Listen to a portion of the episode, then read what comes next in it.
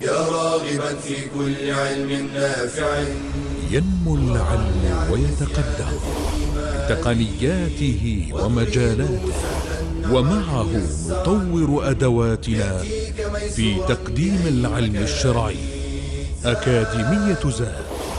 زاد أكاديمية ينبوعها. صاف صاف ليروي غلة الظمآن. والسيرة العلياء عطرة الشدى. طيب يفوح لأهل كل زمان. بشرى لنا زاد أكاديمية للعلم كالأزهار في البستان.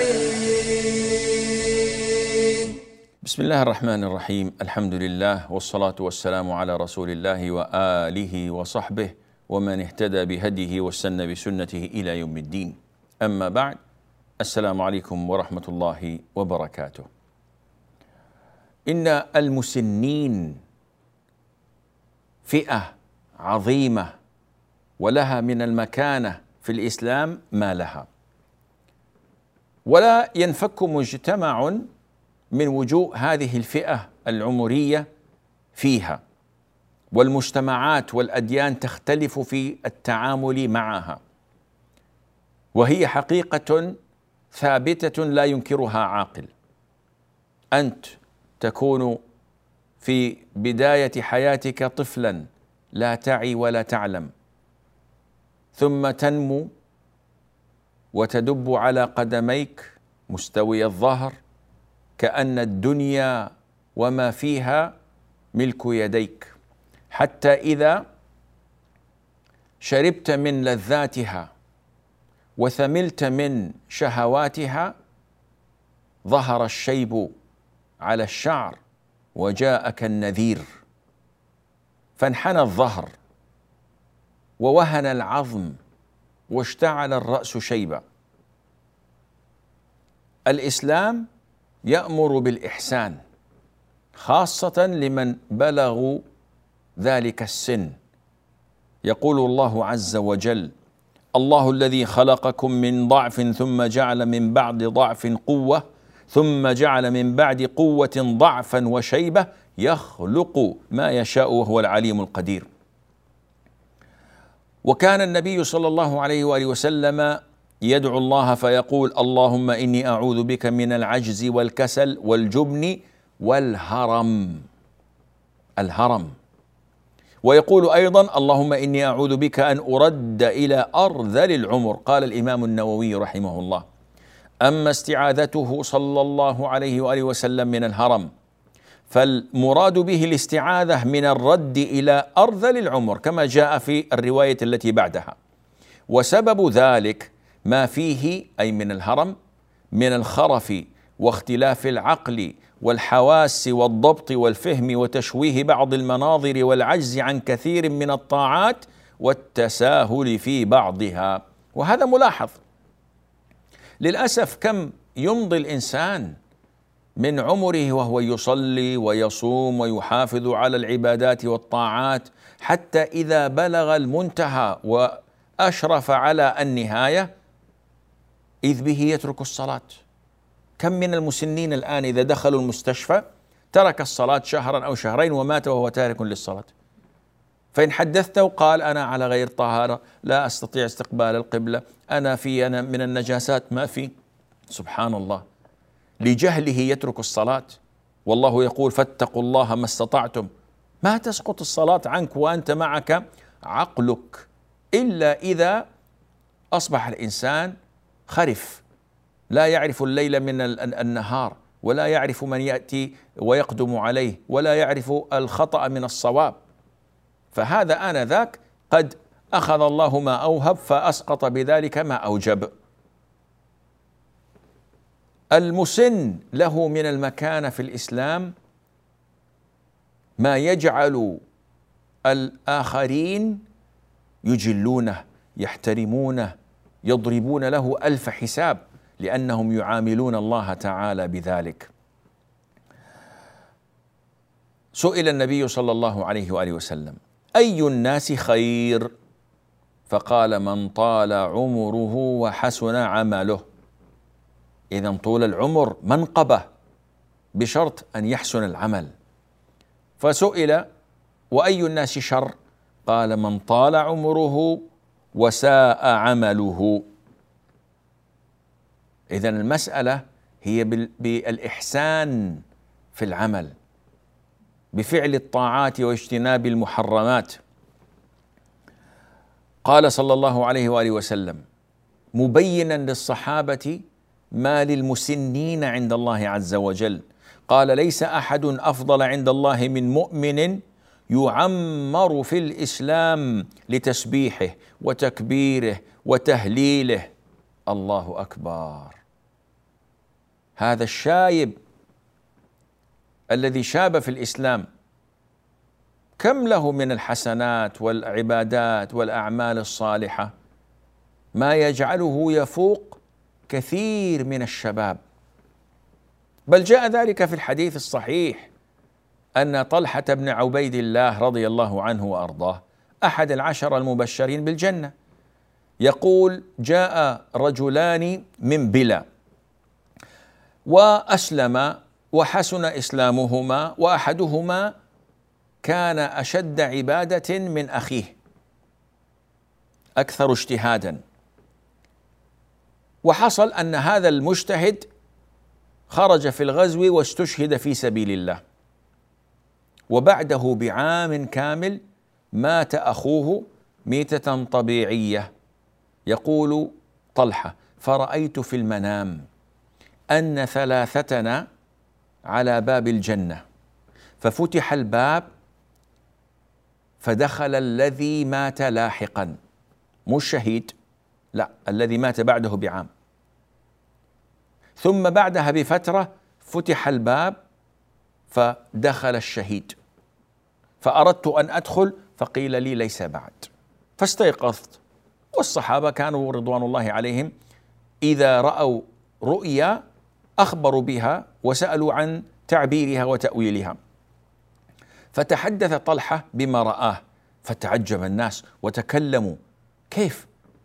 هذا الذي كان مجتهد واستشهد في سبيل الله يدخل الجنة متاخرا بينما ذاك الذي أقل كان أقل اجتهادا ومات ميتة عادية يدخل الجنة قبله.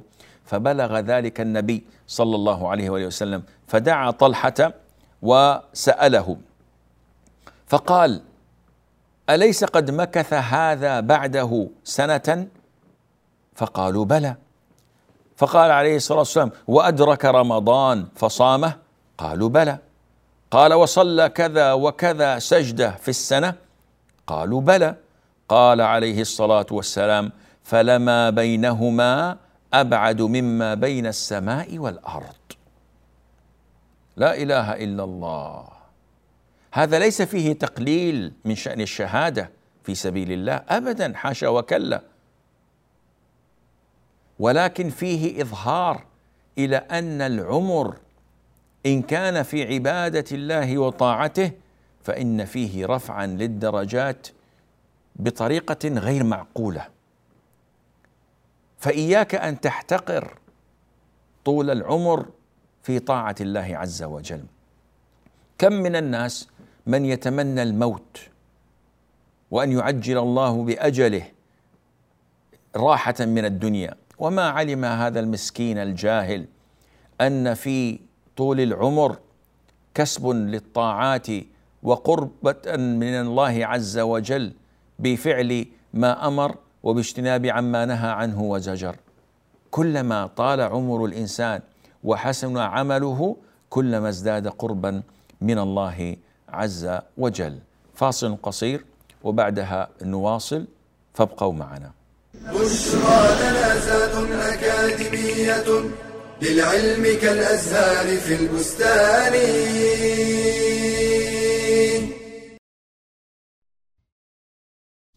يقتل كل عام ستة ملايين شخص تقريبا. منهم أكثر من خمسة ملايين ممن يتعاطون أو سبق لهم تعاطيه. وأكثر من ستمائة ألف شخص ممن يتعرضون له بشكل غير مباشر. إنه التدخين مدمر الصحة وقاتل الملايين.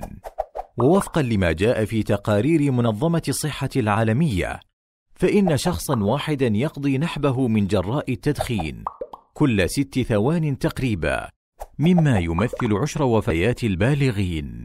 ونظرا للسنوات العديدة التي تفصل بين بدء الناس في تعاطي التدخين وبدء معاناتهم الصحية منه.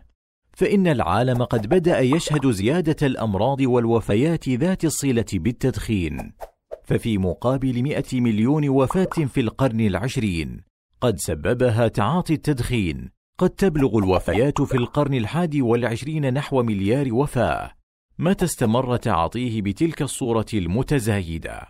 هذا وقد أثبتت التجارب والأبحاث العلمية الحديثة.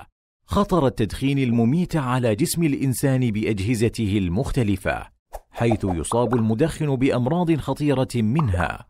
سرطان الرئة ضعف الأعصاب جلطات القلب وموت الفجأة التهاب الشريان التاجي المغذي للقلب الذبحة الصدرية سرطان المريء سرطان المثانة والكلى. وصدق الله إذ يقول ولا تقتلوا أنفسكم إن الله كان بكم رحيما.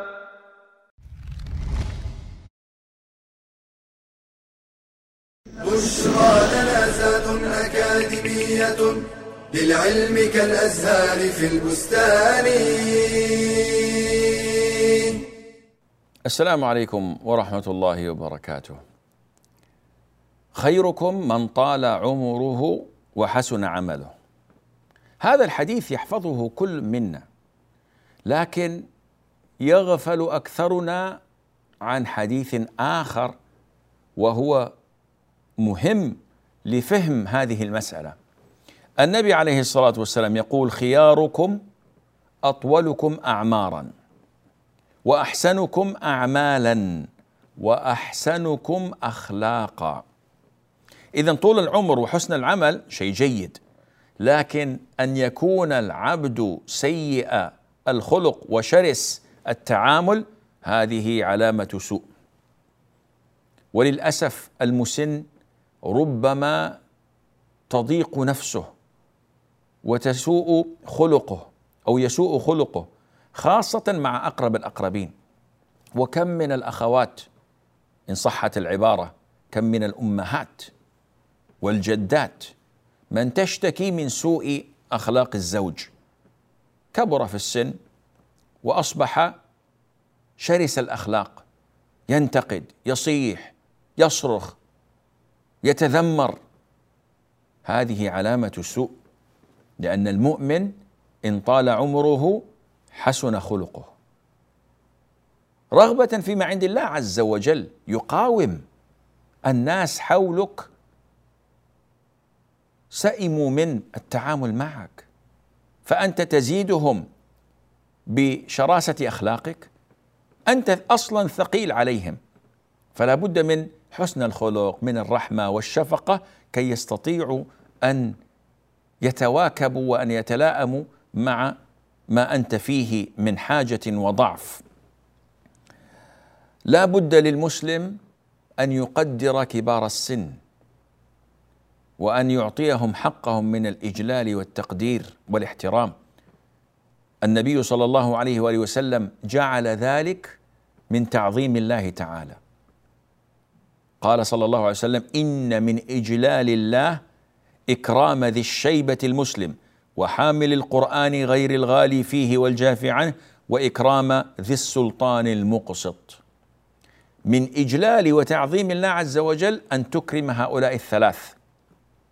أن تكرم المسن كما تكرم ولي الأمر العادل المقسط. إكرام ولي الأمر إن كان عادلا مقسطا يخاف الله عز وجل نظيف اليد. هذا من إجلال الله تعالى. وكذلك حامل القرآن إكرام حامل القرآن المعتدل الذي لا يغلو ولا يتطرف وفي الوقت ذاته لا يتهاون ويتساهل. ولاحظ هنا أن النبي عليه الصلاة والسلام قدم المسن على حافظ القرآن وقدم حافظ القرآن على السلطان أو على الإمام المقسط العادل. في مرة جاء رجل مسن فلم يفسح له الصحابة. بعض الإنس بعض الأحيان الإنسان يغفل ينسى لا يلاحظ. فهذا شيخ كبير دخل فما أفسح له الصحابة ليجلس. فوقف ينظر يعني ماذا أفعل؟ فقال صلى الله عليه وآله وسلم ليس منا من لم يرحم صغيرنا ويوقر كبيرنا. هذا الفعل ما يقبل منكم أيها الصحابة. شيخ كبير دخل لابد من الاحترام. افسحوا له قوموا له أكرموه أظهروا له. هذا التوقير والاحترام. وكان عليه الصلاة والسلام وهو من هو؟ كان يقدر المسنين ويذهب هو بنفسه إليهم. تقديرا لضعفهم وسنهم. فلما دخل مكة فاتحا عليه الصلاة والسلام جاءه أبو بكر الصديق بأبيه جاءه بأبي قحافة. فلما رآه عليه الصلاة والسلام استمع لما قال. قال هلا تركت الشيخ في بيته حتى أكون أنا آتيه فيه؟ والنبي عليه الصلاة والسلام كان ابن الستين. يعني الرسول لم يكن صغيرا هو نفسه لكن هو هو ابن الستين يوقر ويحترم من كان أكبر منه. على الرغم من أن أبا قحافة في ذلك الوقت كما جاء في بعض الروايات لم يكن مسلما.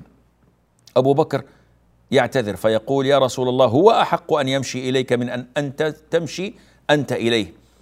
قال فأجلسه بين يديه عليه الصلاة والسلام ثم مسح صدره وقال له أسلم فأسلم. كذلك كان عليه الصلاة والسلام يحسن استقبالهم وإكرامهم ووفادتهم. تقدم من قبل كيف أن عجوزا كانت صديقة خديجة رضي الله عنها وأرضاها أتت إلى النبي عليه الصلاة والسلام وأنها لما دخلت عليه جعل يسألها ويقول كيف أنتم؟ كيف حالكم؟ كيف كنتم بعدنا؟ فقالت عائشة يا رسول الله تقبل على هذه العجوز هذا الإقبال؟ فقال يا عائشة إنها كانت تأتينا زمان خديجة وإن حسن العهد من الإيمان. الله أكبر. الوفاء حسن العهد. هذه صديقة زوجتي رفيقة دربي حبيبة قلبي شريكة عمري. إن ماتت هل أنساها؟ لا والله إنما أتذكرها بخير. وأحسن إلى من كانت تحب فإن حسن العهد من الإيمان. إن كان هذا تعامله صلى الله عليه وآله وسلم مع امرأته التي ماتت فكيف كان تعامله في حياتها بأبي هو وأمي؟ النبي عليه الصلاة والسلام كان يعلم أن المسن في فترة خوف قل عنده الرجاء وعظم عنده الخوف من الله عز وجل. فما العمل؟ وما الحيلة؟ لا بد للمسلم أن يطمعهم برحمة الله. يخطئ من يزور المريض فيقول له إن جهنم تنتظر المسيء وعذاب الله محيط بمن لا يتوب. وأنت الآن في لحظاتك الأخيرة تب إلى الله واخشه وخافه واردد المظالم. هالرجال أصلا هو خايف مرتعب وأنت تزيده هما على هم وغما على غم. لا بد أن يبشر بالجنة إذا مررت بالمريض. ما تقول له والله شكلك عندك الكيماوي وبعدها بتموت؟ إنما تبشره بالعافية. طهور إن شاء الله. ما قدامك إلا كل خير. أنا أعرف فلان مرض مثل مرضك والآن ما شاء الله عنده من الذرية كذا وكذا ومن الأموال. تبشره تؤمله. هذه كانت طريقته صلى الله عليه وآله وسلم. عن عمرو بن عبسه رضي الله عنه قال جاء رجل إلى النبي عليه الصلاة والسلام شيخ كبير يدعم على عصا له فقال يا رسول الله شيخ كبير. أسلم الحين وهو أتى يستفتي. يا رسول الله إن لي غدرات وفجرات فهل يغفر لي؟ أنا عندي مصيبة. ماضيه أسود وقد فعلت من الذنوب ما فعلت. فهل في أمل؟ هل يوجد أمل؟ الرسول عليه الصلاة والسلام ما قنطه من رحمة الله بل قال له ألست تشهد أن لا إله إلا الله؟ فقال الرجل بلى. وأشهد أنك رسول الله. يعني أنا مسلم. قال قد غفر لك غدراتك وفجراتك. انتهى الموضوع. أسلمت على ما أسلفت من خير. الإسلام يجب ما قبله. قد غفر لك غدراتك وفجراتك. وفي رواية قال فانطلق الرجل وهو يقول الله أكبر الله أكبر. سبحان الله. فتح باب الرجاء. التبشير بشروا ولا تنفروا يسروا ولا تعسروا. هذا هو الإسلام الذي تعلمناه من نبينا صلى الله عليه وآله وسلم. فاصل قصير وبعدها نواصل بإذن الله فانتظرونا. بشرى لنا أكاديمية للعلم كالأزهار في البستان.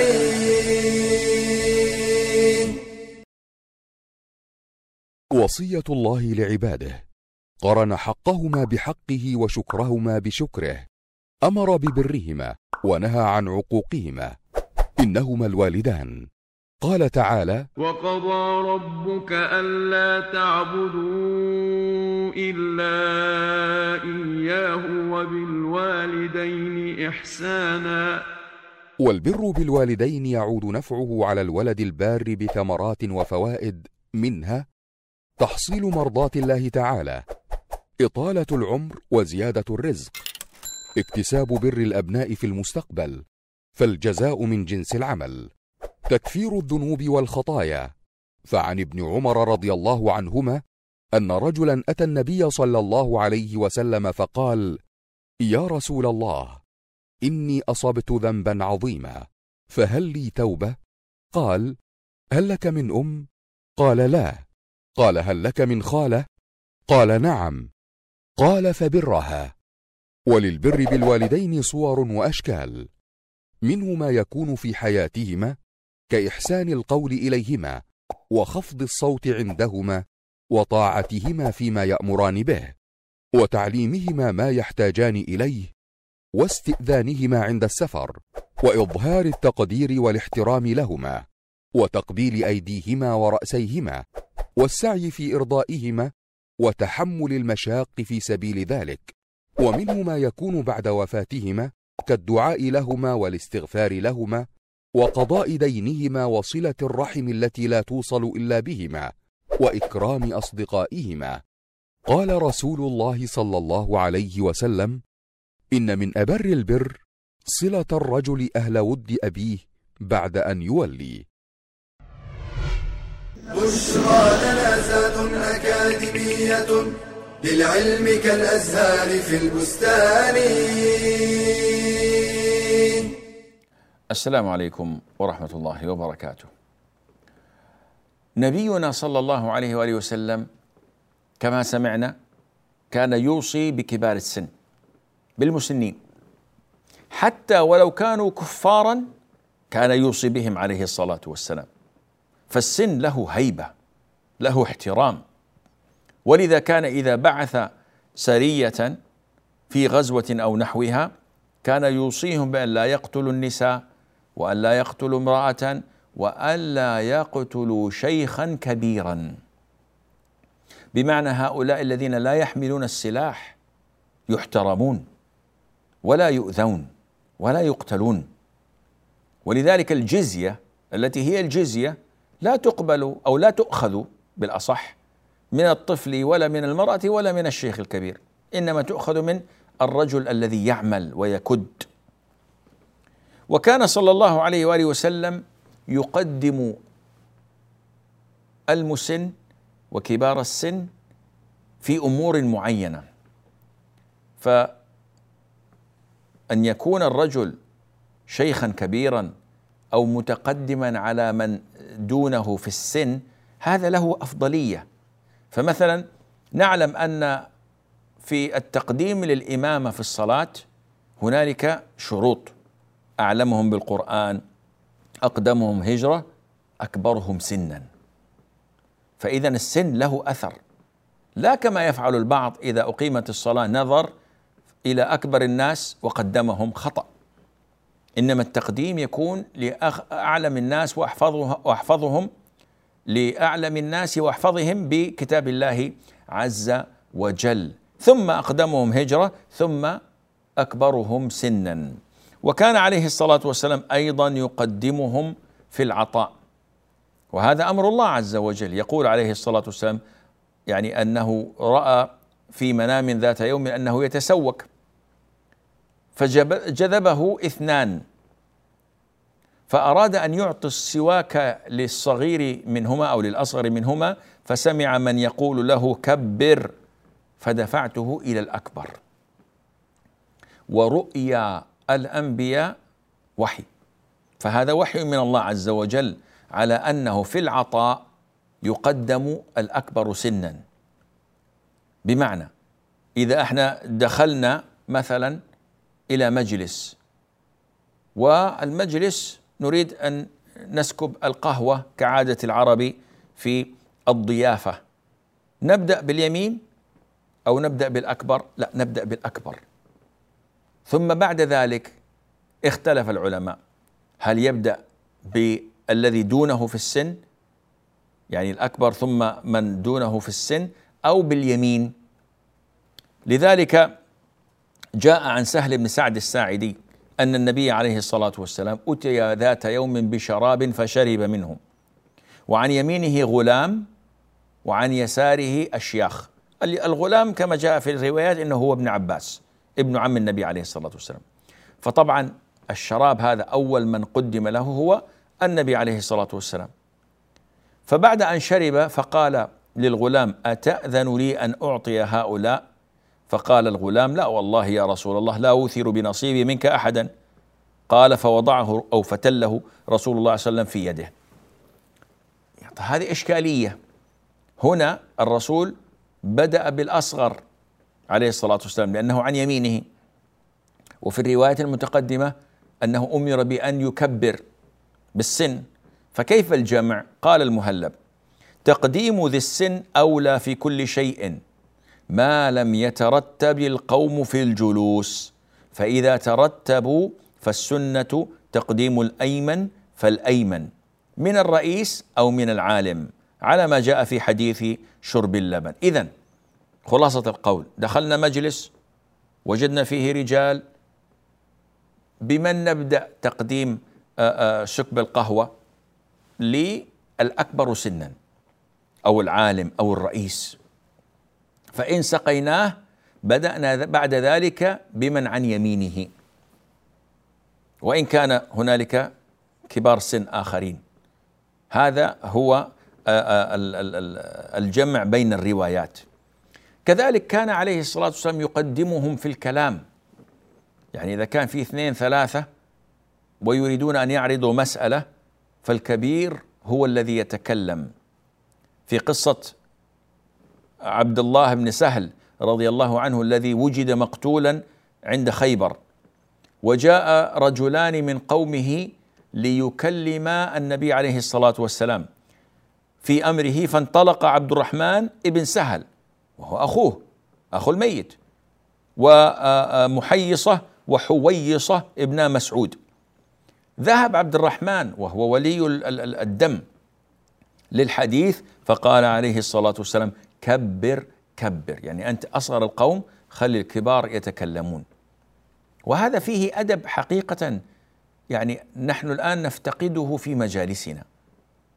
الشباب يتكلمون ويتجرؤون ويرفعون الأصوات في المجالس بينما الأشياخ والكبار والمسنين يجلسون ويستمعون. وهذا من سوء الأدب. حديث ابن عمر رضي الله عنهما عندما كان في مجلس النبي عليه الصلاة والسلام وألغز لهم الرسول عليه الصلاة والسلام سألهم عن شجرة تشبه المؤمن لا ينحني جذعها ولا يتساقط ورقها فجعلوا يضربون الأمثال بالشجر وغفلوا عن أنها النخلة. ابن عمر رضي الله عنهما يقول ف يعني سقط في نفسي وجاء في خلدي دار في خلدي أنها النخلة. لكني هبت أن أتكلم. وفي القوم أبو بكر وعمر. مع أنه الجواب صحيح لكن انظر إلى الأدب الذي تربوا عليه أنه ما ذهب يتكلم. كذلك تقدم معنا أنه كان عليه الصلاة والسلام يقدمهم في السقاية والضيافة. هذا بالنسبة إن لم يكن معهم ترتيب في الجلوس. فعن ابن عباس رضي الله عنهما قال كان عليه الصلاة والسلام إذا سقى قال ابدأوا بالكبير أو قال ابدأوا بالأكابر. وكان أيضا يقدمهم في البدء بالسلام عليهم فالكبير له الحق في أن يبتدأ بالسلام. كما جاء عن أبي هريرة رضي الله عنه أن النبي صلى الله عليه وسلم قال يسلم الصغير على الكبير والمار على القاعد والقليل على الكثير. اذا الصغير هو الذي يبتدئ السلام على الكبير. حرج إن مر الكبير على فتية أو أو صبيان أن يبدأهم تحببا فيهم فهذا لا حرج فيه. كذلك من الأحكام أن النبي عليه الصلاة والسلام كان يخفف بعض الأحكام الشرعية على كبير السن كما نعلم أن كبير السن الذي يعجز عن الصيام فإنه يفدي كبير السن الذي يعجز عن الحج حج الفريضة فلا حرج في شأنه أن أو في حقه أن يستنيب كما جاء في آه، حديث الخثعمية. تسأل عن أبيها الذي أدركته فريضة الحج وهو لا يثبت على راحلة فأمرها أن تحج عنه. كذلك في التخفيف في الصلاة تخفيف القيود الشرعية. الصلاة الإنسان قد يصلي نفسه ويطيل لكن إن جاء الأمر لمن يؤم المسلمين. قال عليه الصلاة والسلام إذا صلى أحدكم للناس فليخفف فإن منهم الضعيف والسقيم والكبير. اذا تخفيفا عن ذي الحاجة. وكان يحذرهم من الذنوب خاصة لمن لا حاجة له في الوقوع فيها. فقال ثلاثة لا يكلمهم الله يوم القيامة ولا يزكيهم ولا ينظر إليهم ولهم عذاب أليم. من هم يا رسول الله؟ قال شيخ زان. الشيخ الذي لا حاجة له للزنا والوقوع في الحرام إن عاند فطرته وحاجته البدنية لأنه إنسان هرم ما له حاجة في الزنا وزنى فهذا عقوبته أعظم من عقوبة الشاب وغيره. وهذا الشيب كان ينهى النبي صلى الله عليه وآله وسلم عن نتفه فيقول لا تنتف الشيب فإنه نور يوم القيامة. ومن شاب شيبة في الإسلام كتب أو كتب له بها حسنة وحط عنه بها خطيئة ورفع له بها درجة. هذا في حق الشيب. وهذا لا يعني أنه لا يغيره بل يشرع في حق من ابيضت لحيته وشعر رأسه أن يغير ذلك بالحنة وبالكتم وشيء من الأشياء الشرعية لأن النبي عليه الصلاة والسلام عليه الصلاة والسلام قال إن اليهود والنصارى لا يصبغون فخالفوهم. فالأمر هو من الأمور المستحبة ومن ترك تغيير الشيب فلا حرج ولا إثم عليه إن شاء الله. وبالجملة فإن حقوق المسنين في الإسلام محترمة ومطالب كل منا بأدائها على حسب قدرته لأن ذلك من إجلال الله عز وجل. هذا والله أعلم ونسبة العلم إليه أسلم. وصلى الله وسلم وبارك على نبينا محمد وعلى آله وصحبه أجمعين. يا راغبا في كل علم نافع متطلعا لزيادة الإيمان. وتريد سهلا النوال ميسرا. يأتيك ميسورا بأي مكان. زاد زاد أكاديمية ينبوعها. صاف صاف ليروي غلة الظمآن. والسيرة العلياء عطرة الشدى. طيب يفوح لأهل كل زمان. بشرى لنا زاد أكاديمية للعلم كالأزهار في البستان.